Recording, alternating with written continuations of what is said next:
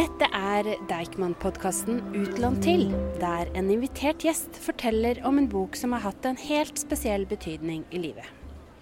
Jeg heter Selma og jobber med program på Deichman.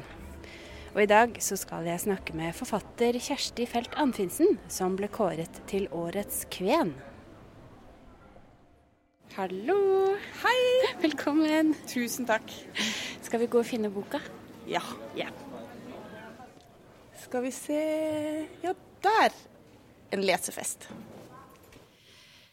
Du har altså valgt eh, populærmusikk fra Vittula, og den er skrevet av Mikael Niemi. Hvorfor det? Jo, det har med min kvenske oppvåkning å gjøre. Jeg har jo røtter selv i Tårndalen. Men det visste jeg ikke før jeg hadde lest populærmusikk fra Vittola. Det sier jo noe om hvordan litteraturen kan utvide verden for et menneske. Det sier noe om litteraturens kraft, hvordan litteratur kan reise i verden og eh, berike de menneskene som den treffer, og fortelle noe man ikke vet om seg selv, til og med. For det var det denne boka gjorde for meg det året den ble oversatt til norsk. Det var i 2001 i Sverige. Kom den ut i 2000, og det ble en kjempesuksess. Mm. Jeg var jo da midt i 20-åra. Eller egentlig så var det jo faren min som hadde lest boka først. Sånn er det. Og han kommenterte på at miljøskildringene var akkurat som i Jakobselv, hvor foreldrene mine tidvis bor. Eh, Vestre Jakobselv det er en bygd i Nord-Varanger. Eh, og jeg måtte jo da spørre hvorfor har det seg sånn at Vestre Jakobselv og Pajala er så like. Mm. Og da sa han at ja, men du er jo kvensk. Og det ble liksom hengende i lufta og det var også sagt sånn i forbifarten i en bisetning som om det ikke var viktig, som om det var en detalj om hvem man er. Og så viser det seg når jeg begynner å se på det, at hele morssiden av slekta er fra Vadsø og Skallelv og har finsk eller kvensk bakgrunn. Men det har det ikke vært snakka om, og da blir man jo full av eh, spørsmål. Men hva følte du da? At du plutselig var kvensk? Ja, det er jo kjemperart. Det, jo liksom, det har jo vært en prosess, eh, for det skjedde jo for eh, Ja, det er jo litt over 20 år siden. Eh, så først så ble jeg helt sånn taus inni meg. Jeg følte meg ganske dum. Har jeg gått glipp av noe her? Jeg hadde jo, hadde jo på en måte akkurat den sommeren før så hadde jeg jo jobba på Magerøya, både som tannlege i Honningsvåg og så hadde jeg vært guide for turister som kom med Hurtigruta og skulle opp på Nordkapp-platået. Og da fortalte jeg jo de franske og amerikanske og norske turistene om regionens historie og om folka der, for her er det både nordmenn og samer, sa jeg. Og det var informasjonen jeg hadde fått, og det stemte med hva jeg hadde lært på skolen om Finnmark. Det jeg ikke vet den sommeren, er jo at det også finnes kvensk befolkning på Magerøya, og verre. Jeg vet jo heller ikke at jeg selv er kvensk. Det er jo ganske utrolig. En kvensk guide som ikke vet hun er kvensk, forteller turister og mennesker i Finnmark uten å ha fått informasjon noe sted om at kvener finnes, og at de også finnes på Magerøya.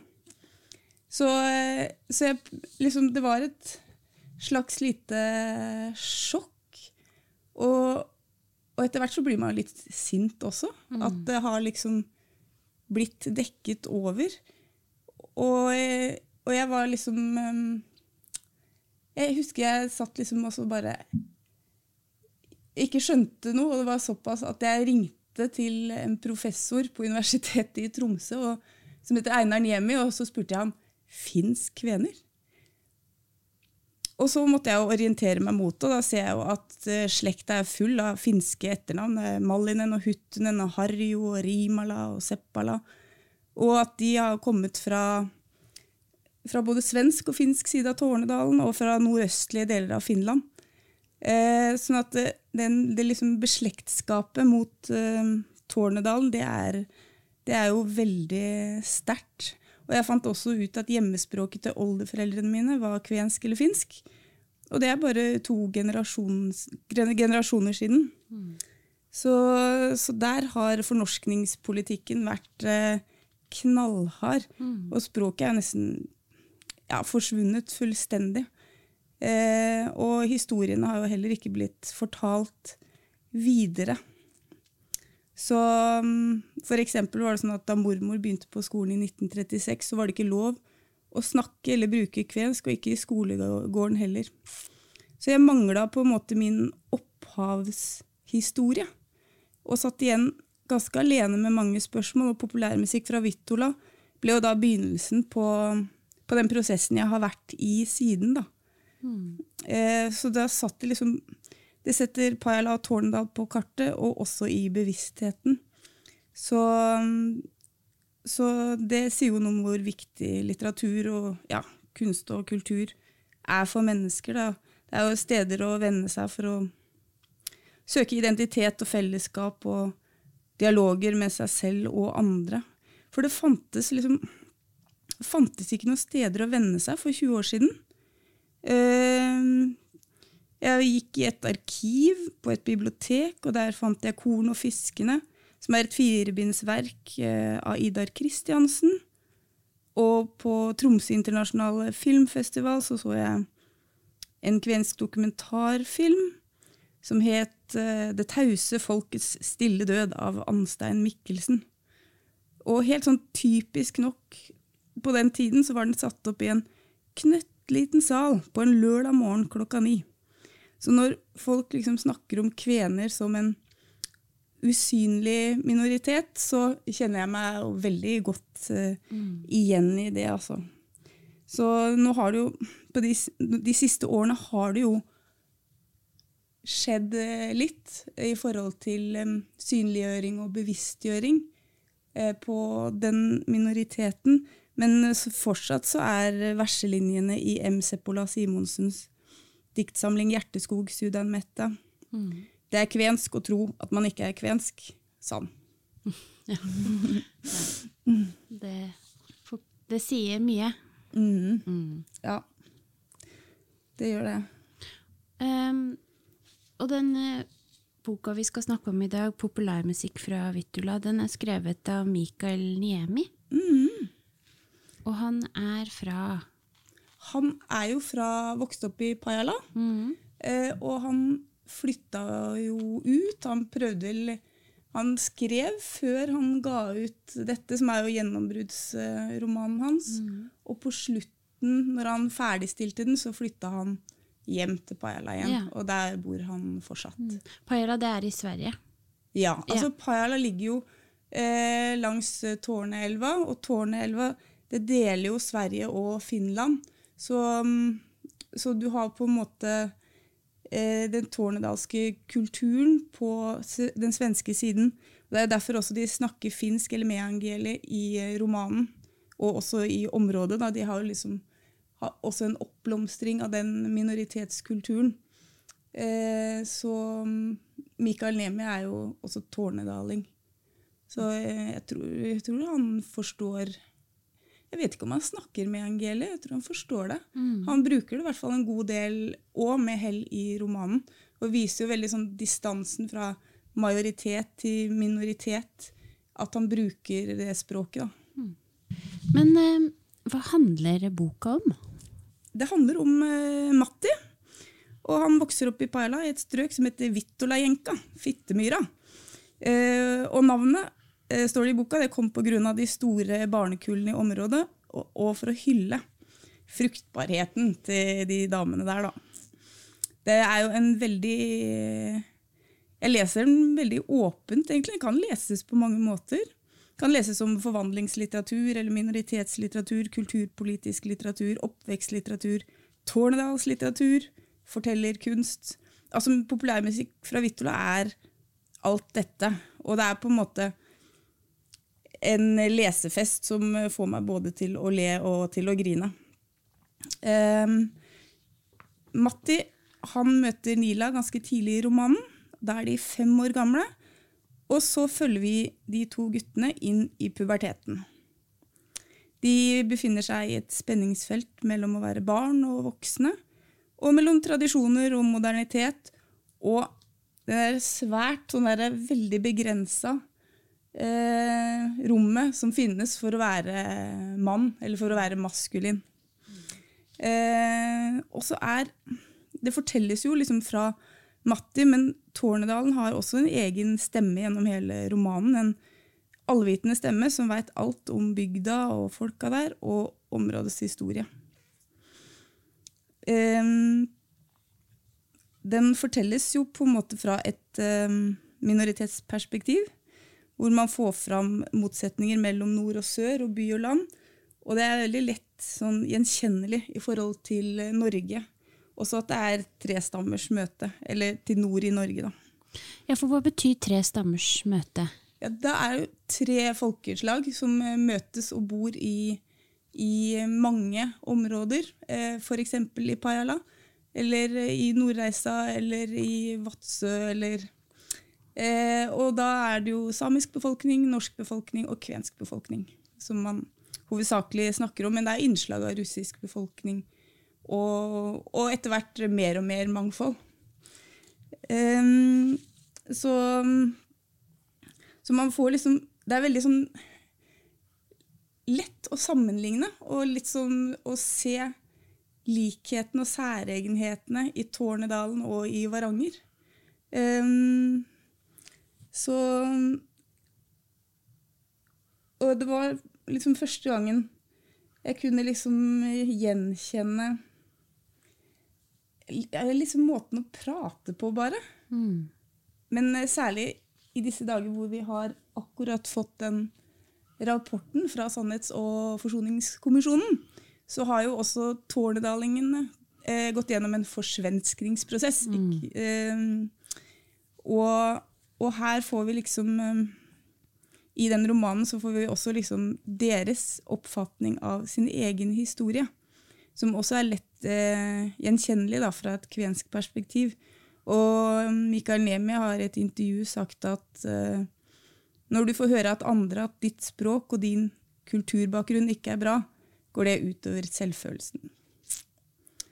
Kjenner du deg igjen i det? Mm, jeg kan Jeg kan Jeg på en måte har jo tapt det språket. Og, og mye av den kulturen, ikke alt. Men eh, jeg tror for to generasjoner siden, de som på en måte virkelig fikk kjenne på fornorskningen, som hadde foregått liksom i 150 år, eh, de har nok kjent på det og ville skåne barna sine.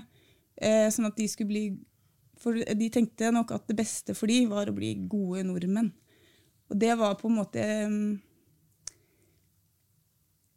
Jeg tror det har vært sånn, da. Så jeg, lyst, jeg kjenner jo ikke på noe skam, eller jeg, jeg, bare feirer eh, at jeg har funnet ut, og at, eh, at eh, flere og flere finner ut at jeg er kvensk, og at det på en måte i dag er lov til å feire den kulturen. da.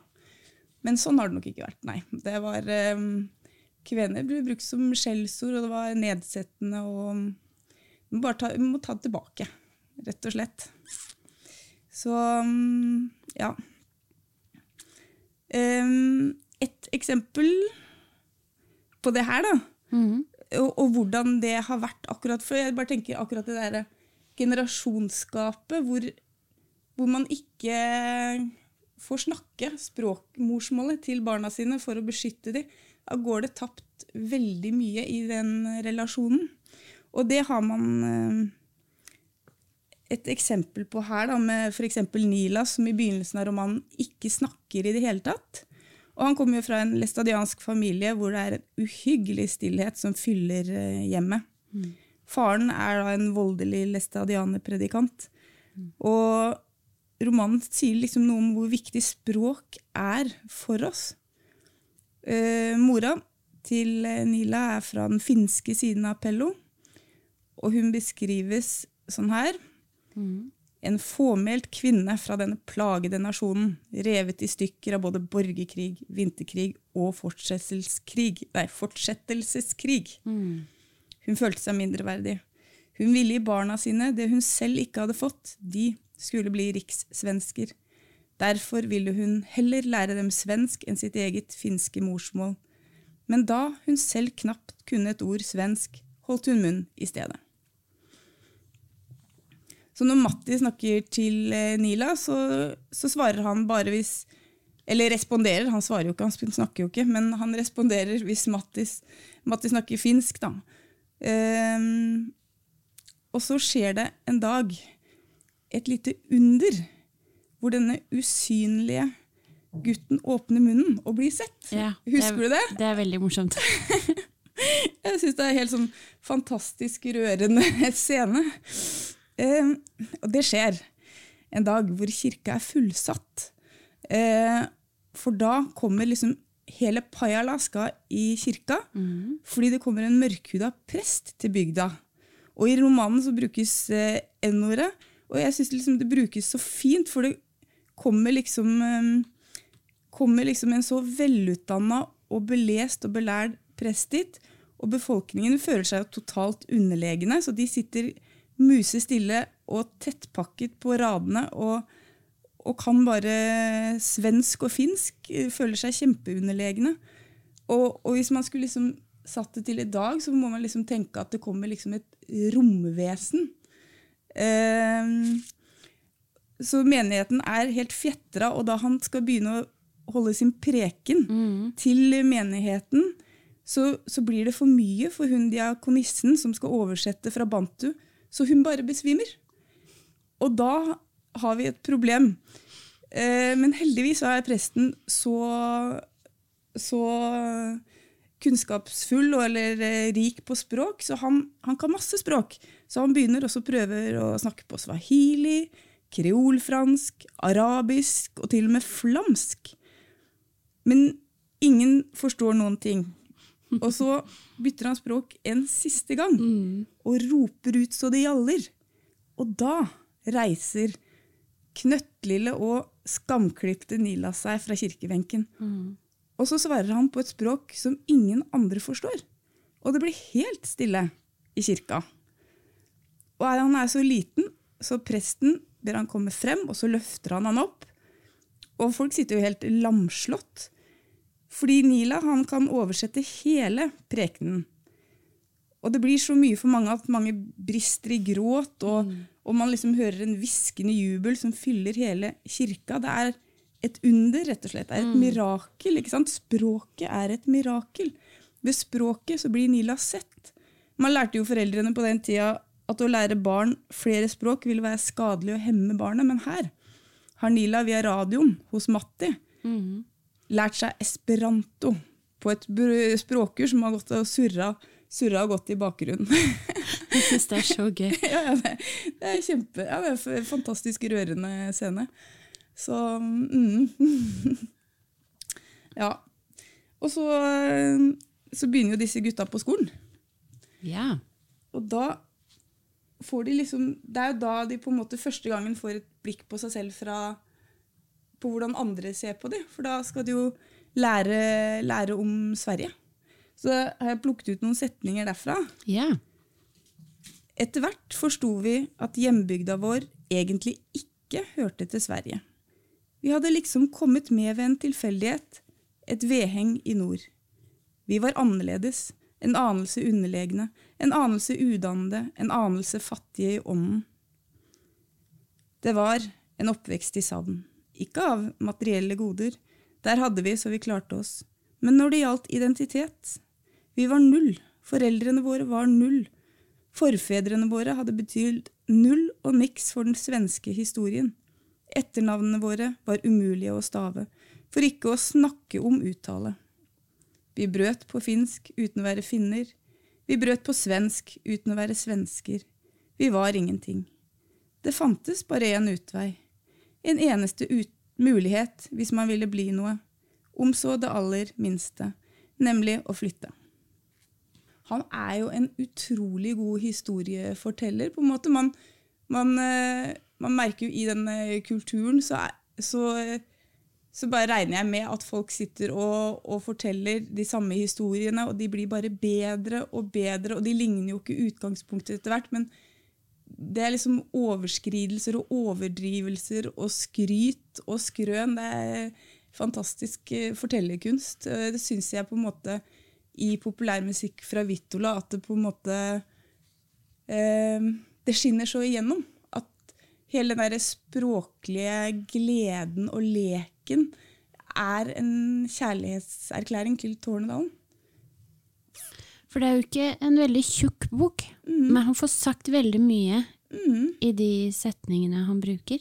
Ja, jeg er enig i det. Og så har han liksom Han har jo en sånn derre enorm eh, eh, metaforbonanza her, så jeg begynte å skrive opp alle metaforene. For jeg, jeg syns det var så, var så gøy, for de er jo et sånt overskudd.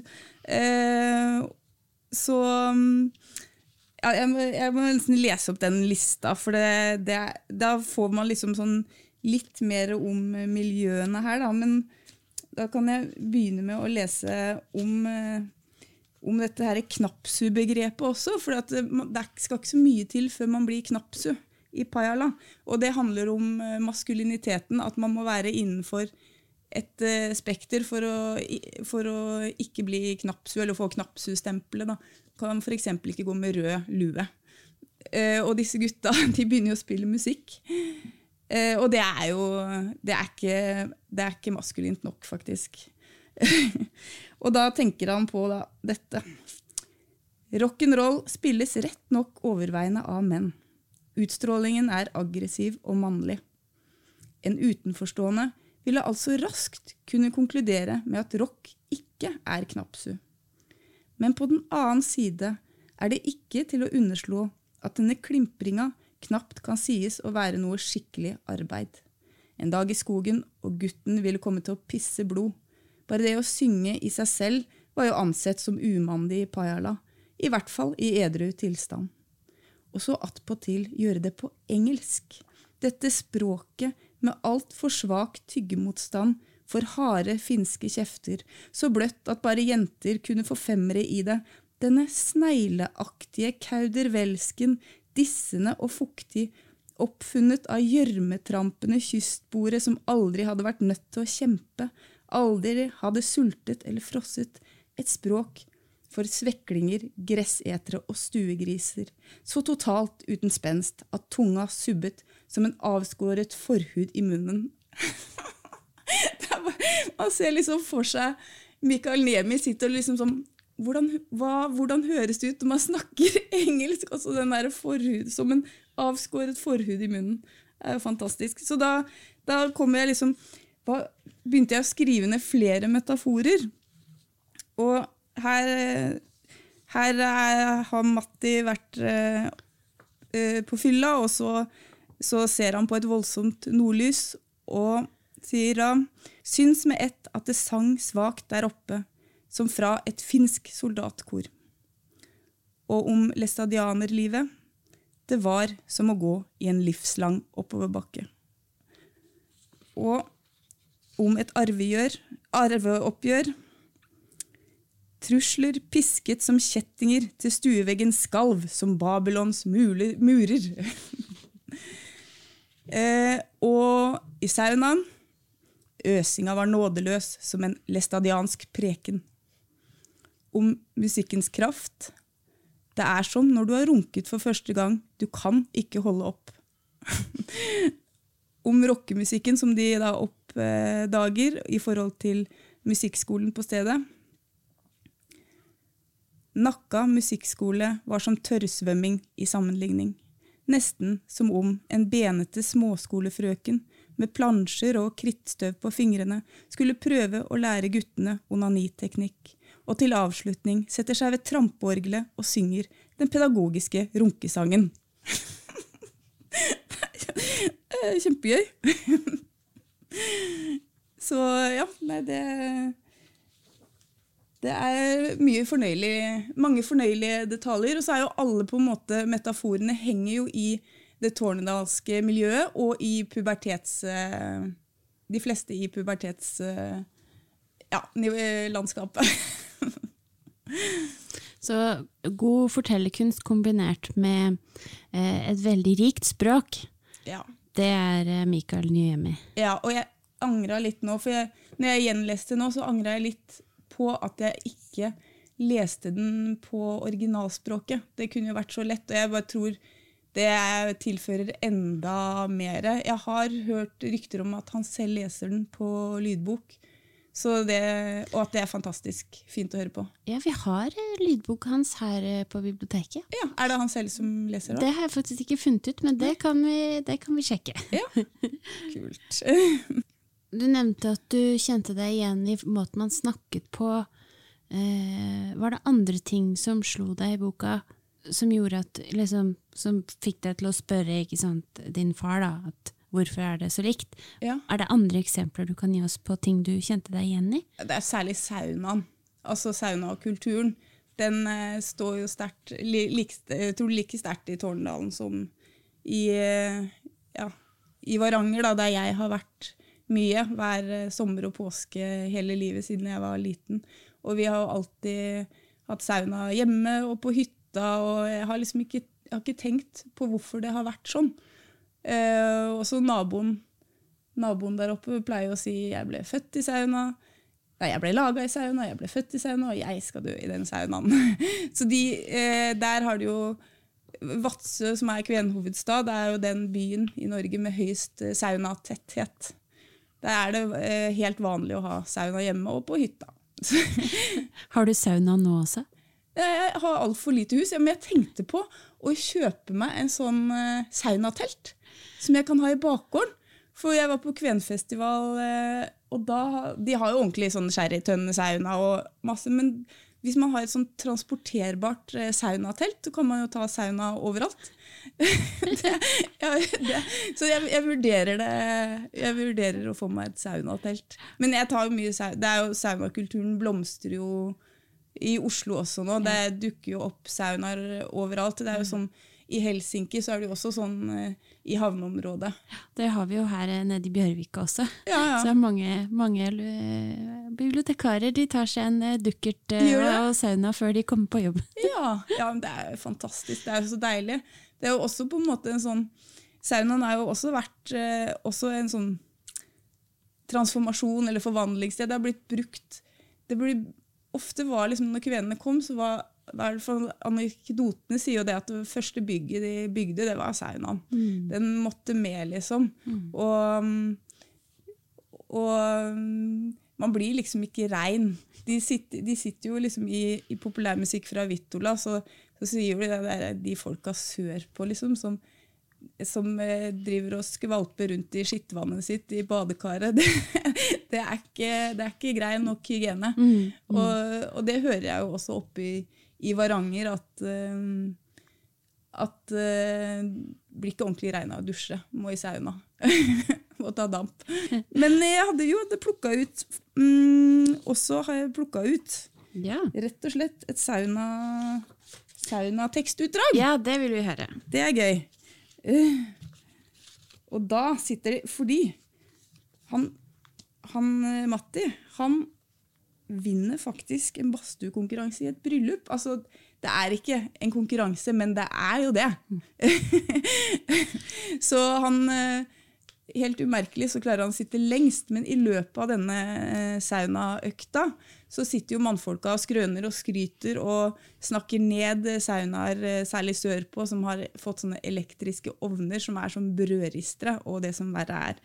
Ehm, og, og da må eh, farfaren nesten heve stemmen. Farfar tok nå en pause i øsinga og påpekte tørt at flere av sønnene selv hadde installert elektriske badstueaggregater i ferdighusene sine og dermed gitt sine bidrag til den tårnedalske badstuekulturens snarlige undergang. De uttenkte sønnene protesterte og sa at aggregatene var innkjøpt i Finland og således av en uovertruffen kvalitet, fullt på høyde med de vedfyrte typene, og at de hadde oppnådd fem badstueris av fem mulige i den finske badstuemagasinet Saunalehti. Farfar svarte mutt at elektrisiteten var det latterligste av alle påfunn som hadde kommet fra Sør-Sverige. Den hadde forkjært både folk og fe, redusert muskelmassen hos arbeidsfolk og kvinnfolk, svekket kuldetoleransen og mørkesynet til folk, gjort ungene hørselsskadde og ute av stand til å spise skjemt mat, og nå var den på god vei til å undergrave den tårnedalske utholdenheten og seigheten også. Fordi alt skulle gjøres unna, i rasende fart, ved hjelp av motorkraft nå til dags. Snart vil nok samleie også bli erstattet av elektrisitet, så slitsomt og tungvint som det var, for alt som krevde litt svette, var jo håpløst gammeldags nå. Farfar øste en ny omgang, uten å høre på sønnenes forsikringer om at de fortsatt besto av det harde finske kjernevirket. I stedet sa han at latmarker, det var hva de var blitt alle sammen, at Tårnedalen hadde blitt erobret av Knapsu og Ummikot, og at det han angret mest av alt, var at han ikke hadde gitt dem mer juling da de var små. Men nå var det for sent. Ingen forsto lenger følelsen av å sitte i en badstue, hvor en selv var blitt født, hvor faren din var født, hvor din fars far var født, hvor slektas døde var blitt vasket og gjort kisteklare, hvor Kuppari hadde årelatt de syke, hvor unger var blitt til, og slektsledd på slektsledd hadde vasket av seg svetten etter ukas arbeid. Stemmen brast, og med tårer i øynene begynte han å si at livet, gutter, er kulde og smerte og svik og løgn og tomt prat. Det var farfaren sin, det. ja da, han er, han er hard, men han er, han er soft inni. Veldig soft inni. så Jeg satt og tenkte på hva han eh, ville ha sagt om oss eh, moderne mennesker i ja, 2023. Nei, det, det hadde, ikke, hadde ikke gått så bra. Nei, det, er, nei det, det, fantes på en måte ikke depresjon eller noen sånne Det var ikke, var ikke noe klaging. Mormor er også sånn Jeg skal ikke, klager ikke på noe. Nei. Så det, det er liksom den derre å stå i det og jobbe, jobbe til det stuper, rett og slett. så ja. Men det var jo på, på den tiden da f.eks. da kvenene kom eh, altså De har jo kommet fra, fra 1500-tallet, liksom, men til Varanger så var det liksom mer, flere bølger på 1700- og 1800-tallet. Da, da jo, var det ikke så Da var liksom badstukulturen i Europa egentlig utdødd pga. reformen. Så var liksom de fleste badstuene brent eller brukt til andre ting. Eh, for det, nakenhet var liksom ikke, ikke greit. da. Oh, yeah. Sånn at eh, da kvenene kom, så på en måte kan man si at det er de som eh, de, Der var liksom saunakulturen så sterk at den påvirket de norske bygdene og miljøene rundt. Sånn at også de tok til seg badstuekulturen. Eksempel så var det den første fanesaken da sanitetskvinnene laga lokallag i Vadsø og få oppført felles badstue i alle bygder i kommunen. Og det er kjempevanlig at det var felles saunaer. Eh, og det ble også fanga opp nasjonalt av foreningen, sånn at man kan si at den kvenske badstuetradisjonen i stor grad har inspirert folkehelse- og badstuebølgen i Norge fra 1920-tallet og utover. Hmm. Sånn at det at det popper opp badstuer her, det er på en måte kan man, Hvis man strekker det litt, eh, kreditere kvenene for. det er bra. Det liker vi. Ja. Tusen takk, Kjersti Felt Andrinsen, for at du kom i dag. Takk for at jeg fikk være med. Gidos Ballion. Eh, og boka eh, 'Populærmusikk fra Vittula', og lydboka faktisk, den kan du finne her på Deichman og låne med deg hjemme.